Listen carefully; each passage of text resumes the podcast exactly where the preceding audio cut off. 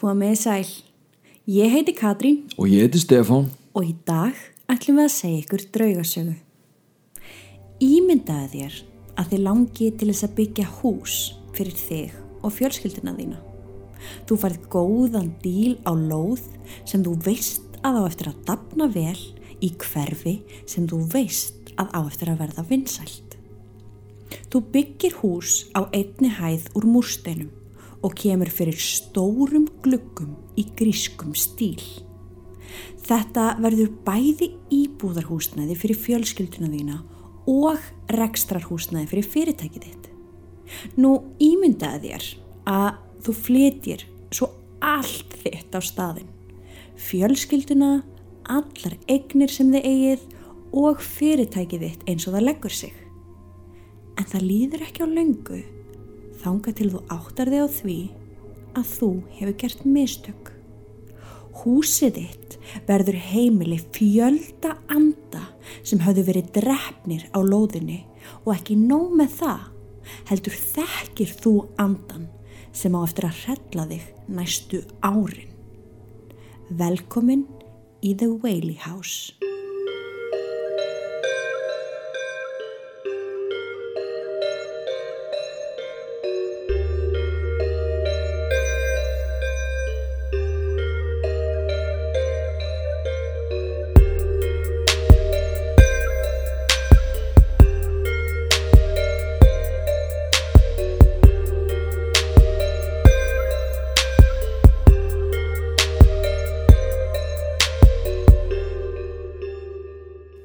Thomas Whaley var frumkvöðl og foreldran hans ráku fyrirtæki sem seldi vélbúnað og timburverk í New York. Árið 1849, 26 árað aldri, yfirgifur Thomas Whaley New York og heldur til San Francisco með áform um að nýta sér auðin sem framleitur var í gullæðinu svo kallaða, þegar að allir voru að leita sér að gulli. Alveg rétt. Þarna var einmitt gullaðið alveg bara í hámarki. Hann svona rétt næri endan á þessu tímabili og þannig er bara allir að flytast til Kaliforníu, í leita gulli, bæir spretta upp og alls konar fyrirtæki. Já, hann vildi taka þátt í þessu. Að sjálfsögðu. Thomas stopnar verslun ásamt félaga sínum George Wardell og seldi þar vélbúnað og timburverk úr verslun fjölskyldu sinnar í New York. Þannig að hann var í rauninni bara að opna útibú og selja hluti sem foreldrar hans voru sjálfur að selja í New York. Hann hafði lært ímislegt í gegnum árin um hvernig ætti að reyka fyrirtæki þá meðal annars í Washington Institute þannig að Thomas var fljótlega mjög farsall businessmaður og opnaði sína eigin verslun á Montgomery stræti. Þar byggir hann líka tveggja hæða heimili með útsýni yfir San Francisco flóa en plani var að flytja konu sína þangað og hefja líf þeirra þar. En einhverjum líkaði ekki velgengni hans og allar viðskiptabyggingar og heimilið hans var eðilagt. Það var kveiktið í öllu og eftir rannsók lögreglu kom það í ljós að þetta voðaverk hafi verið gert viljandi. Þetta seti stórt strek í reikningin hjá Tómas. Ekki bara þegar að koma business, heldur í persónlega lífinu líka. Hann hafiði ætlað sér að giftast ástinni í lífi sínu, önnu Eloise, en út af því að hann missir allt sitt í þessum bruna, var þeim áformum frestað. Thomas byrjar því aftur upp og nýtt í San Diego og stopnar fyrirtæki með vinum sínum Franklin, Morse, Hinton og Henry bróður sínum árið 1851 og þarna giftist hann unnustu sinni. En ásamt því að vera businessmaður þá var hann vist líka starfsmaður í svo kallari aftökusveit. Já, það er víst. Hann var hluti af svona tólmanna aftökusveit Já, sem er í rauninni bara eins og hérna til þess að framfylgja dauðarefsingu. Þá eru tólf menn sem eru raðar upp allir með einn spissur Já. og þá er þá þessi dæmdi settur við vegg Já. og þeir skjóta allir og það er einhvern veit enginn hver þeirra tólf átti dauða skotið. ok. Thomas var bara svolítið svona allt í öllu. Það er svolítið mikið að gera hjá honum. Saga Whaley húsins hefst í rauninni á lóð sem var notuð til þess að hengja sakvelda glæpamenn árið 1852. Það var ekkert á þessari lóð og hún var hliðin á kirkjugarðinum í bænum svo hún þótti ansi heppleg fyrir verkið. Fjöldi bæjarbúa kom og horfið á aftökur eins og týðgæðist á þessum tíma þar á meðal Thomas Whaley. Árið 1852 var maður að nafni Yankee Jim sagfeldur ásamt tveimur öðrum mönnum fyrir að hafa stólið bát. Þó að þeir þrýr væru grunaður um alvarlegri glæpi eins og morð. Yankee Jim var tæplega tveir metrar á hæð, stór og þrekvaksin maður sem var vel þekktur meðal bæjarbúa sem glæpamaður og í rauninni sem einhvers konar glæpa fóringi. Þrátt fyrir að hafa verið þrýr að verki í að stela bátnum var Jimmy sá eini sem fekk dauðarafsinguna af því að var talin vera leðtógin. Auðvitað var hansi hörði rafsing á þessum tíma fyrir engungu að stela bát en eins og ég sagði áðan, lögreglan hafði fylst með þessu glæpagengi Jimmys í einhver tíma og þeir voru grunaður um nokkur morð en það voru engar sannanir fyrir því. Eina sem þeir höfðu á Jimmy var að hann hafi stólið þessum bát og þeir nótuðu það til þess að taka hann úr umferð endanlega. Þannig að það mætti segja að þessi harða refsing hafi ekki verið sangjönd, gagvart Jimmy, því auðvitað þarf að hafa sönnunagögn á menn áður en þeir eru dæmdir. Það hjálpaði ekki til að tveir kviðdómendur voru eigendur bátsins sem var starf. Hættu þetta myndi náttúrulega ekki gerast í dag. Wow Ok, við vitum örgulega öll hvernig svona hengingar fóru fram, en þessi var aðeins öðruvísi. Snaran var hengt í stórt trí á loðinni og undir henni var hestakjara sem var síðan tóguð frá og einstaklingurinn látið falla niður með þeim afleðingum að þeir hálsbrotnuðu. Aftaka með hengingu virkar strax eða það er að segja að þú derð strax um leið og hálsin brotnar. Akkurát 18. september var Yankee Jim leittur upp að trénu á meðan fjöldi fólks fyldist með. En einhverja hluta vegna virtist Jimmy ekki alveg vera að trúa því að þetta væri að fara að gerast. Hann var ekki alveg að meðteka þetta. Honum fannst hálf fáralegt að fá dauðadóm fyrir að stila bát og hann var vissum að með því að fara með hann á þessa lóð og að þessu tré þá væri engungu að reyna að hræða. Já Hann var ekki alveg að kaupa þetta væri að þeim, þeir ætlaði að framfylgja þessum. Nei, þannig að allan tíman var hann að rífa kæft og kom með kaltæðina brandara. Jafnvel þegar hann var komið með snöruna um hálsin. Þessi snara var svo sama og var notið til að hengja annan mann stuttu áður og sá maður var miklu minni en Jimmy. Þannig að þegar hestvagnin var dregin frá þá náði Jimmy með tánum niður á jörðina og dó ekki eða allavega ekki strax. Hann var látin hanga þarna í einhverjar mínútur og hann dó hægum og kvalarfullum dauða. Eins og ég sagði áðan, það var fullt af fólki að horfa á. Þar á meðal okkar maður Thomas Whaley, en fólk var ekki vant þessu. Fólk var ekki vant því að sjá mann kveljast í snörunni í eins og þeim fannst heila eilíft og enginn átti skilið að deyja svona. Ekki einu sinni Jimmy. Þessi atbyrður átti því eftir að afsækja fólk þar á meðal Thomas næstu árin sem var hansi óheflegt því að hann var engengu þanga komin til þess að skoða lóðina ekki til þess að horfa á hengingun eitthvað sérstaklega. En Jimmy var businessmaður og fekk hugmynd á meðan hann horfði á Jimmy kapna til dauða. Hann var vissum að hann geti keift jörðina á slikk. Hann hafði verið að hugsa um að kaupa hana hvort sem er því hann var vissum að enginn myndi vilja kaupa jörð sem var notuð til þess að hengja menn. En núna eftir þessa hræðilegu aftöku var hann vissum að hann geti komist upp með enn lægra verð.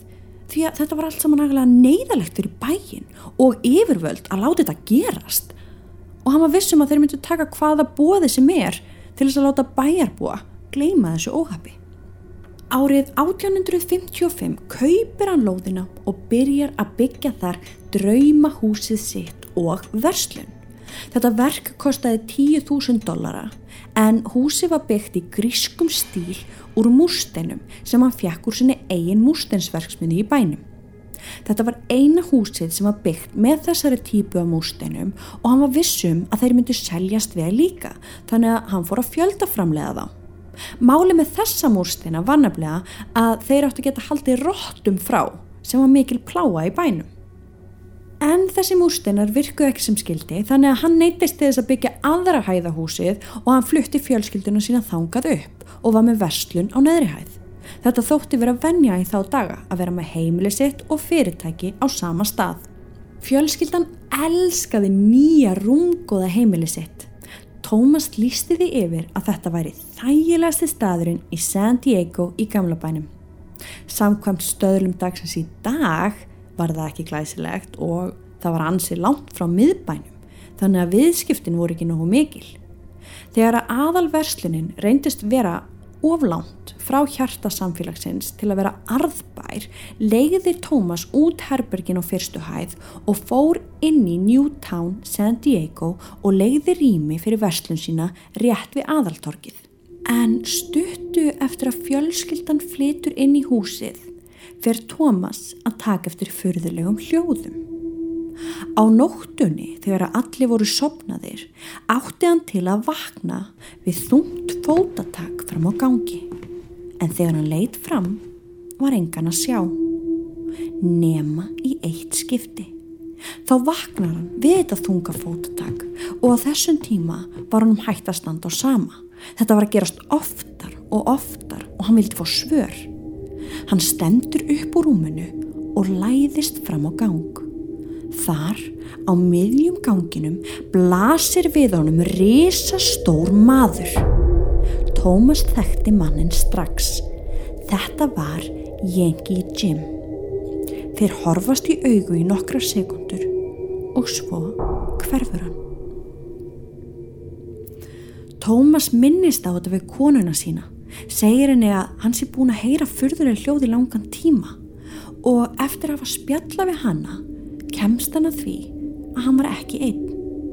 Hún hafði líka heyrt þessi þungu fótatök nótt eftir nótt og meiri seg á kvöldin þegar hún var einn í húsinu.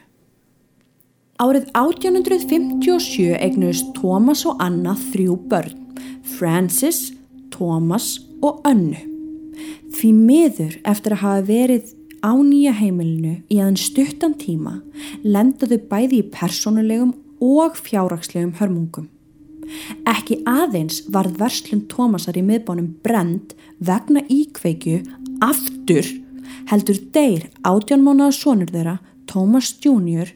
en hann lést af skarlatsót á heimilið þeirra.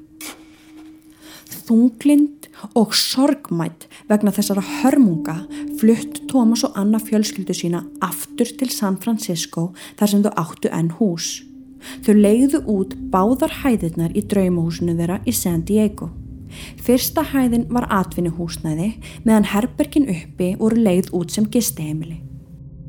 Whaley fór að vinna fyrir herin á lager á meðan þau voru í San Francisco og eignuðust þau hjónin þrjú börn til viðbótar, George, Violet og Coraine sem var kölluð Lillian. Ok, þannig að þarna eru börnin orðin fimm. Við erum með George, Violet, Lillian, Önnu og Francis. Rétt. Og átjumanna batnið þarna að dó. Já. Þannig að þau, þau hefðu átt að vera sex. Já. Móður önnu, sýstir og bróðir komu líka með þeim. Fjölskyldan átti frekar stöðugt heimilislíf í nýju ár. Á meðan gekk reksturinn í húsinu þeirra í San Diego ansi illa og neytist Thomas til að reka fólk þaðan út. Árið 1867 var Thomas sendur frá fjölskyldunum sinni til að aðstóða herin við yfirtöku í Alaska. Herin hertók bæinn Sitka og Thomas opnaði verslanir þar í leiðinni og hann var einnig kjörinn bæjarfulltrúi árið 1867. Vá, wow. það er hansi mikið að gera hjá þessum manni. Ég er bara sama hvert hann fer þá allavega opnar hann eina verslun. Já, eða þrjár. Eftir jarðskjáltan í San Francisco árið 1868 ætlaði veilifjölskyldan að flytja fljótlega aftur til San Diego þökks í einhverjum erðarfjármunum sem Thomas fekk vegna sölu á fjölskylduegnum. Hann kaupir nokkur hlutabref og gerir upp heimilið þeirra í San Diego. Í oktober 1868 legðuðu út hjónaherbyggi sitt til Tanner Troop Theater í sex mánuði til að abla fjár til að greiða fyrir útgjöldin. Þetta hefur verið ansið stórt svefnherbyggi Já, fyrir svona leikhús. fyrir leikhús. Já, Árið setna undirritaði San Diego fylki tveggjar og leigusamning við Thomas til að nota verslunarímið í Whaley-húsinu á fyrstu hæðinni sem dómshús og nota þrjú af herbygjónum uppi sem geimslu fyrir dómskögn fyrir 65 dólar á mánuði sem var mikill peningur á þessum tíma og í rauninni örug framfærsla já, á rekstri húsins. já. En stuttu eftir að sá samningu var gerður, greittu íbúar San Diego atkvæði um það að flytja dómshúsið í Horton Hall niður í bæ til að auðvelda borgarbúum aðgengi og sísvona var brotið á þessum nýja leigusamningi sem Thomas hafði gert við fylgið. Þetta, þetta, varð, þetta varð alveg vesen. Já, já. En Thomas gatt samt sem á þér haldi áfram að rukka leigu af því að embætismenn voru ekkert að flýta sér að taka skjölin úr húsinans. Já, ok. En eitt kvöldi þegar að Tómas var að vinna brutust þeir inn í húsið hans á meðan Anna kona hans var heima með börnin, hótuði fjölskyldinni, eigðilögðu muni innan hús og tóku dótið sitt í burt. Þannig að Tómas satt uppi með skemmtir á húsinu og húsgögnum og engan pening. Vá, það er bara svo mikið bölvun sem að kvílir á þessu öllu saman. aftur og aftur og sko svona gekk þetta áfram í einhver ár. Hann þurfti að fara að vinna erlendis, þau þurfti að halda áfram að leia út parta í húsinu, Já. þau heldu áfram að heyri sér þungu fótotök og risavaksni maðurinn var alltaf að bregða fyrir reglulega og núna voru allir fjölskyldumæðlimir búin að átta sig á því að þau voru aldrei einn í húsinu. Árið 1882 voru dætur þeirra hjóna Anna og Violet báðar giftar.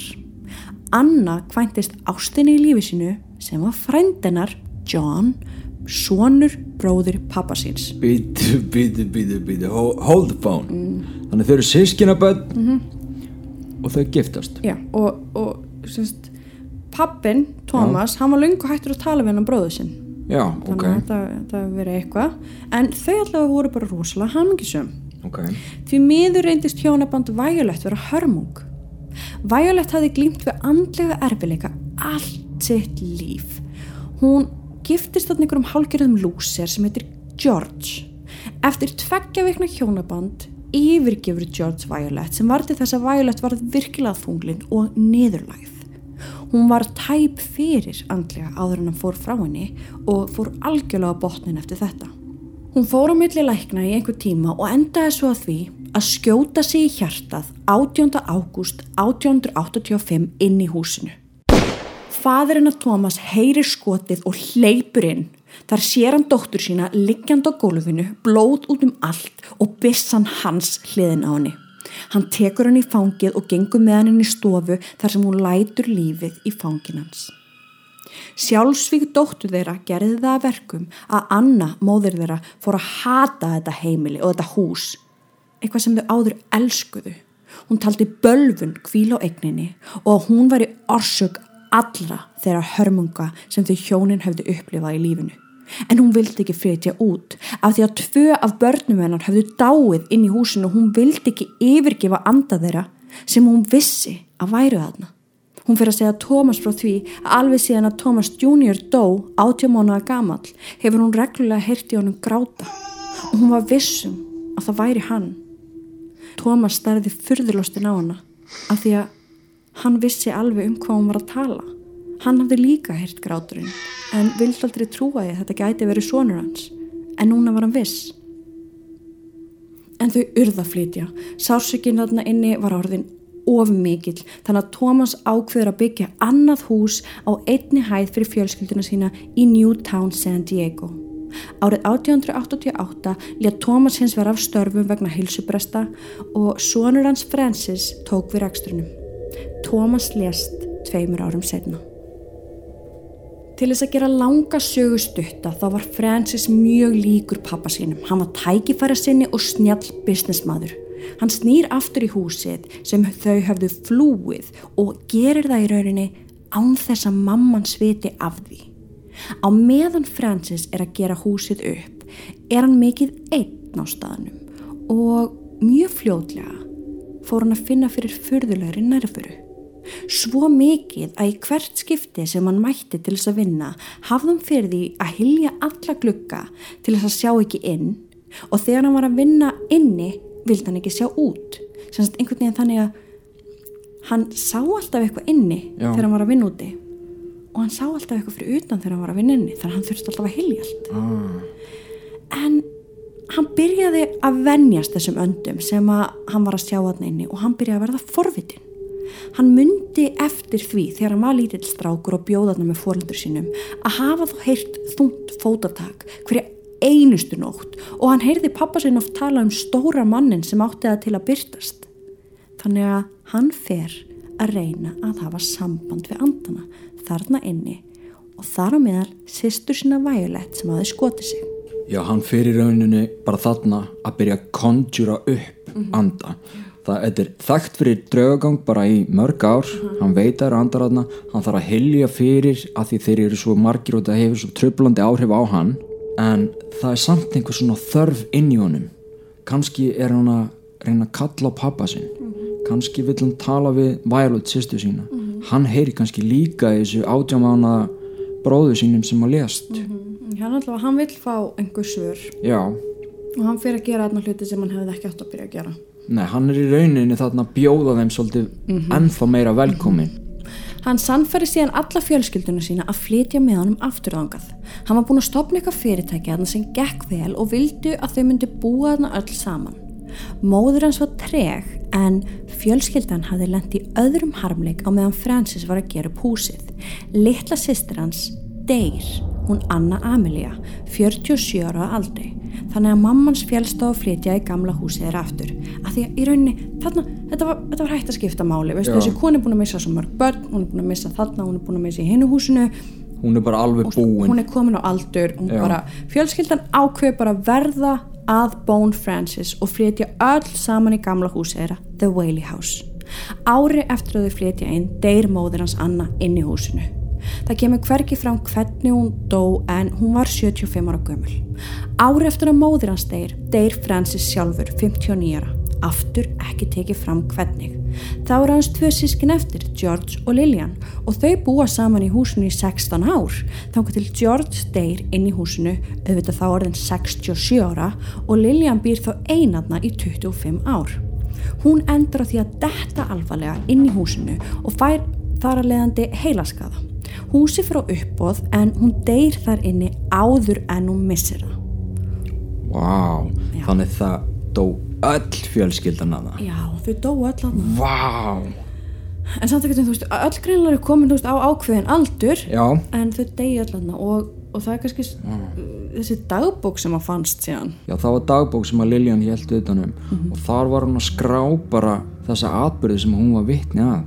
Hún meðal hann að sá foreldra sína oft bregða fyrir, anda þeirra begja og hún ritaði þetta í dagbækur sem eru varðveittar í San Diego fylki. Þarna er sá sem að var fyrir þessum reymleika, hann Thomas Whaley sjálfur, hann er núna sá sem að reymar húsið sitt sjálfur. -hmm. Nú er hann orðin draugur Já. og dóttir hans fullir í það. Já, ég meina, þú veist, hún býr hérna einu í 25 ára en hún segir að hún hafa aldrei búið einn. Þú veist, öll Vá. fjölskyldan fjölskyldan hennar var aðna, Akkurat, hún var aldrei einn.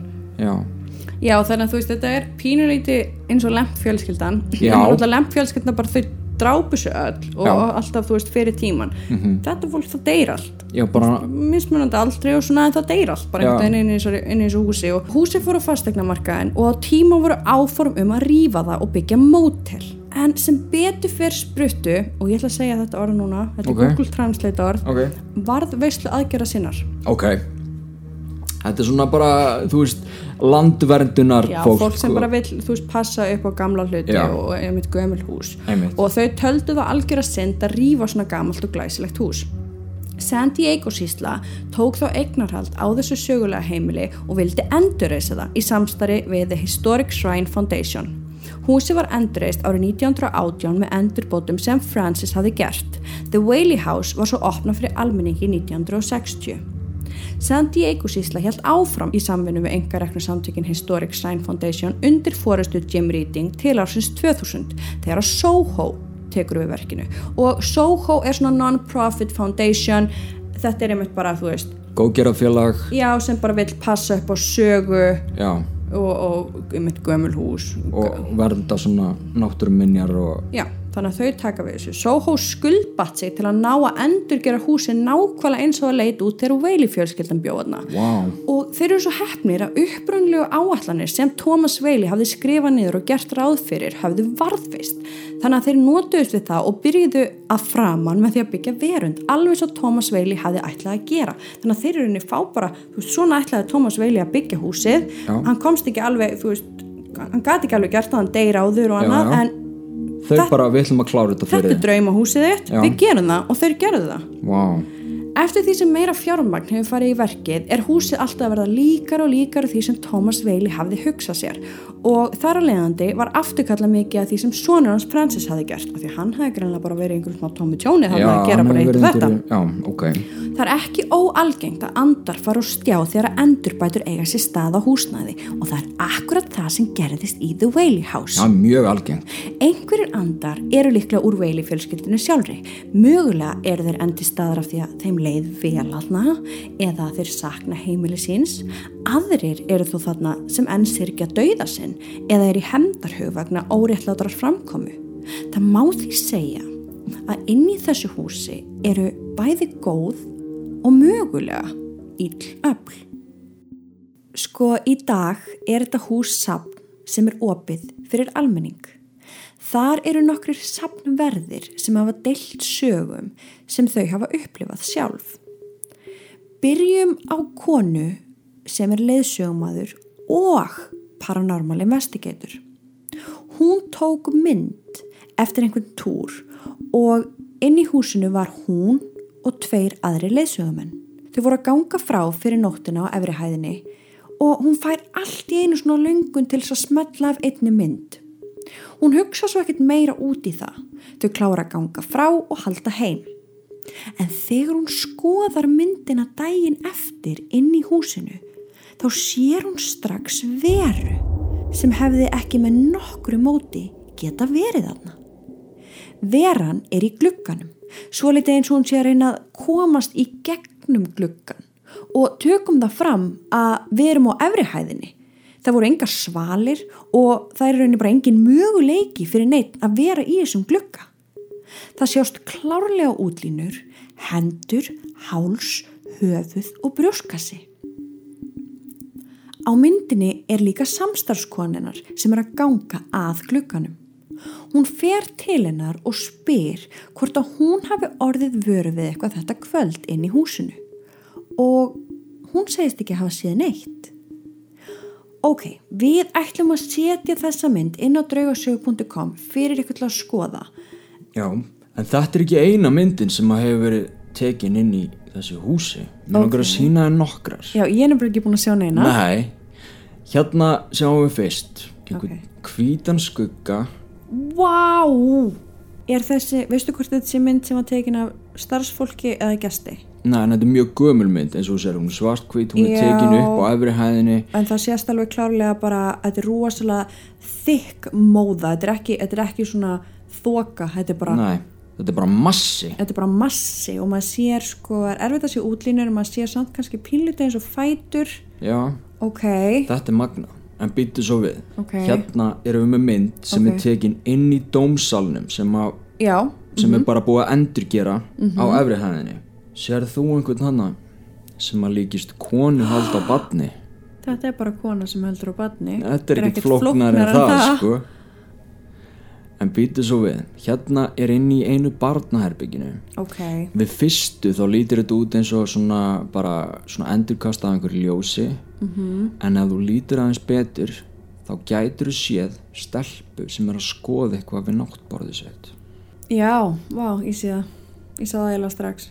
Já, já, gleymum því ekki samt að þetta er eitt af þessum top 10 most haunted stöðum í heiminum. Já Þannig þetta er að- það. Það er alveg ástæða fyrir við erum að tala um þetta hús sko. já, en, og sannanirnar eru eftir því. Akkurat, þetta er rosaleg mynd. Þetta er bara að stelpa að skoða eitthvað á náttborinu sínu sko. Hérna erum við bara með svona þóku ekkert bara neitt við það svo sem. Nei, nei, en já, þetta er Já. skrítið. Við skulum setja allar þessar myndir inn Já. á draugasögu.com þannig að þið getið séð þær. Og hérna er meðal annars mynd að stell. Æja, að þið getið séð viðbröðum mín sko. já, akkurat, þetta er magnað. Ok, það, það er ástæða fyrir því að þetta sé talið eitt reyndasta hús í heimi. Og sannanirnar eru hérna fyrir því og við setjum þær inn á draugasögu.com wow. og endilega, þú veist, skoðu þetta bara svona á meðan við erum að við erum að lýsa þessu. Já, eru fleiri? Þetta er komið í byli Þetta komið í byli, þetta, þetta var líka alveg nóg, ég ætti að skoða þessa myndu betur. Annað sem starfsfólk hefur upplifað þarna inn í húsinu er, það er svona eitt og annað. Mm. Þjóavarnakerfið fyrir gang eftir hendisum á nóttinni og þetta var orðið svo mikið mál að starfsmenn voru byrjar að halda að það væri bara eitthvað að tengingunni sem er svo sem alveg eðlilegt Já, já. þú veist, ok, það er greinlega bara eitthvað að þjóðurninni og hún bara því. fyrir ganga aftur og aftur og aftur en eftir að starfsmenn hjá öryggismiðstofunni voru búin að fara við kerfið oftar en einu sinni og oftar en tvisvar það var ekkert að finna. Kerfið var allt eins og það átt að vera. Fínulagi starfsmenn vinna á vöktum inn í húsinu. Það er morgunvakt og kvöldvakt.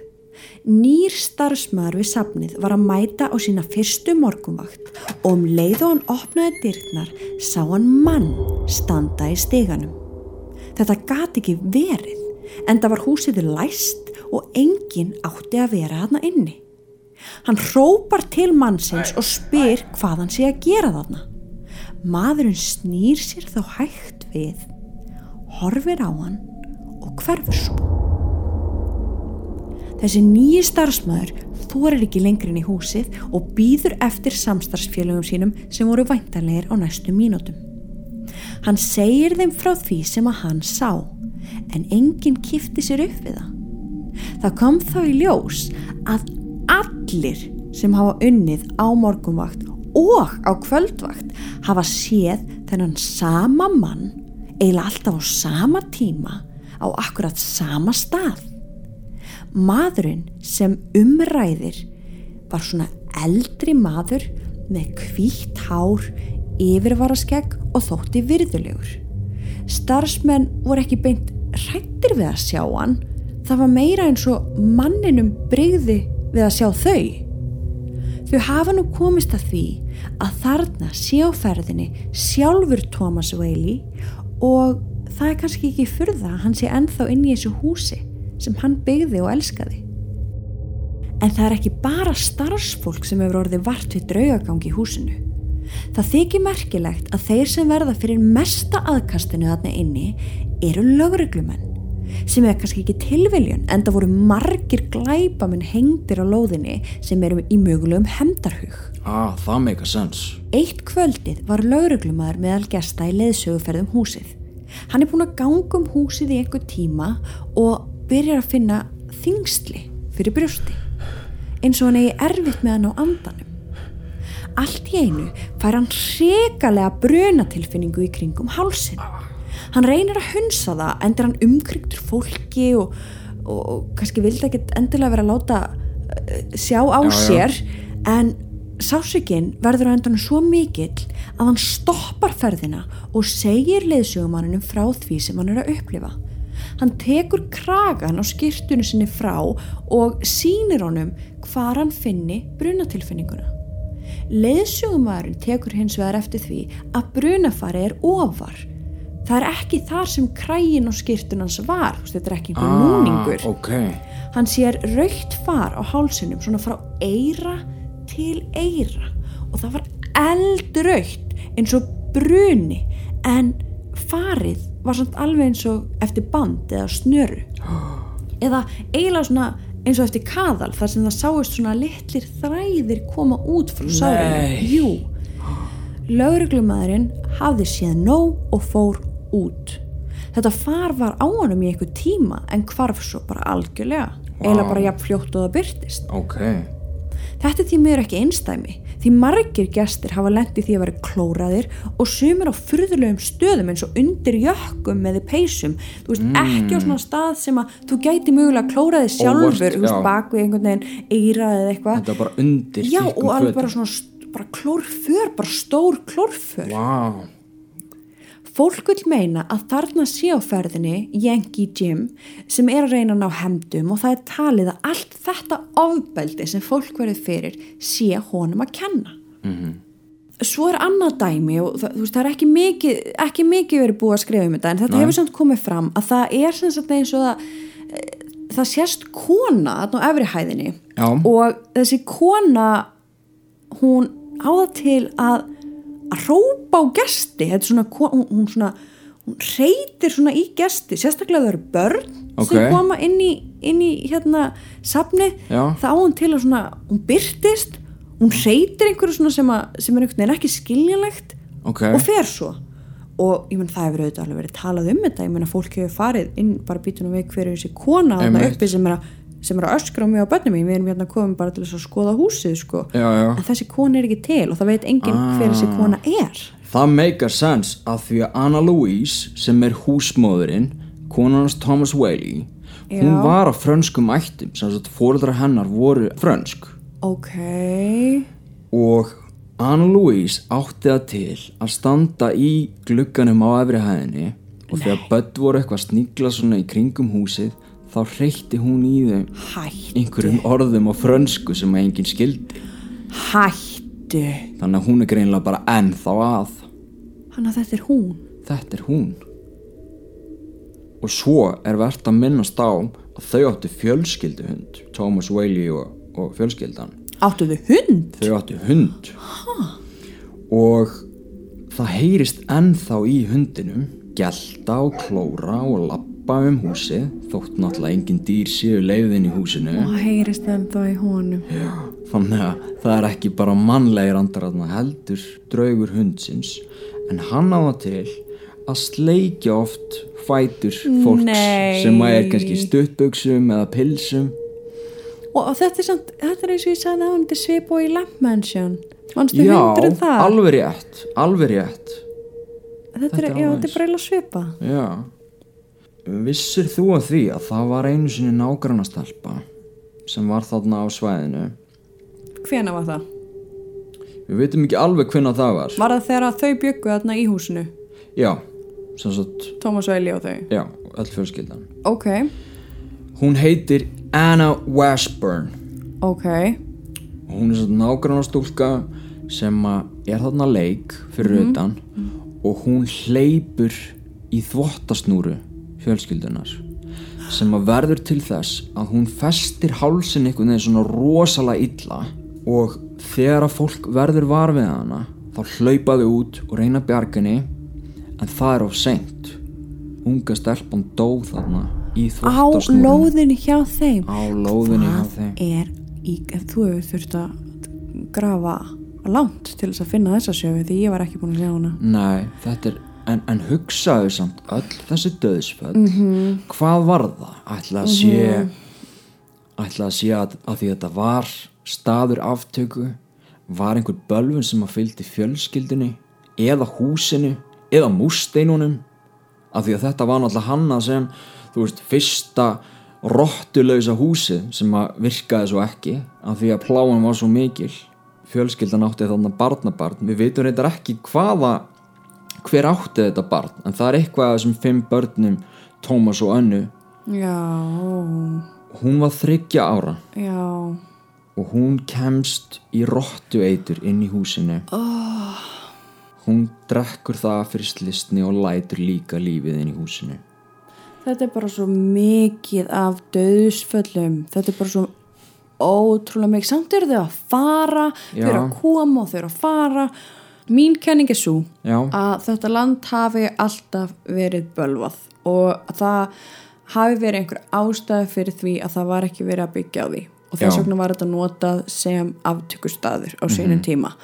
Og þegar þú ert að drepa fólk eftir fólk aftur og aftur og aftur á þessum stöðum það hefur bara sínt sig í gegnum sögun og sérstum gegnum paranormal sögur svona staðir, þú veist mm, það, það er alltaf vesen. Já, og hann ákveður síðan að því að sko, já, hann, Thomas Veili hann var hann var businessmaður nummer 1, 2 og 3 Já, hann var nett sama um hennar mann. Hann var að hugsa um að kaupa lóðina þegar hann er að horfa á hann einmitt, hún var alveg og saman hann er nett sama, hann sér bara góðan díl og ég meina, hann, hann fer á þessu lóð og, og, og þrátt fyrir að nágrannar og þrátt fyrir að fólk í bænum var að segja hann um að gera það ekki fólk í bænum var að segja við hann, þú veist ertu klikkaður, þú fyrir ekki að kaupa þessa lóð og, og flytja fjölskyldina en hann, hann hlustaði ekki á þetta. Nei. þannig að þetta hefur byrjað einhvern veginn svona rólega eins og við segjum með honum Jimmy og, og ég held síðan bara þú veist, þetta eskileitast bara. Þetta verður verra og verra og verra og ég, ég er alveg mjög sammála þessari kenningu þinni. Og ég held að þetta sé ástæðan og,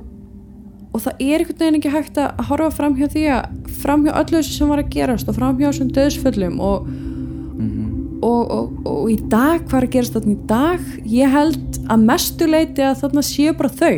Já, já, og ég held líka að séu þarna glæpamenn sem að voru hengdir. Akkurat. Og svo er náttúrulega meðum við ekki gleyma því að þarna hliðin á er kirkjugarðir einmitt, þannig að þetta er, veist, ég, þetta er, þetta er staði sem ég held að sé- það er ekki djöfulega bladna nei, þau vilja meina svo sé ekki. Nei, þú veist, það er það ekki- séu bara nokkuð svona góðir andar það þannig er séð. ekki, það er í rauninni veist, ég sagði þú veist, góð eða ill öfl þú veist, ég held að Já. sé ekki ill öflaðna ég held að sé, ég held að sé svona questionable einstaklingar já, já, já, á staðanum einmitt. Vondir einstaklingar jáfnvel en ekki ill öfl. Nei, þannig að já, ég held að þetta fólk sé aðna bara og, og hérna og ég var alveg til að heimsækja ennan stað og, og, og eða aðna nótt. Og ég meina ástæðan fyrir því að þetta tali vera uh, einn reymdasti staðurinn í heiminum er eins og þú veist að segja út af sönnunagögnunum af Já. sönnunagögnunum eru bara svo gigantísk og Þau eru svo mörg. já, og þau Já. eru svo skýr. Já, það fer ekki milli mála. Nei, þannig að já, ef þið eigi einhvern tíman leið í San Diego. í San Diego þá myndi ég alveg gera mig ferð í The Whaley House og skoða ykkur um og aðtöða hvort að þeim mögulega ná einhverjum ljósmyndum eða þá gæti næst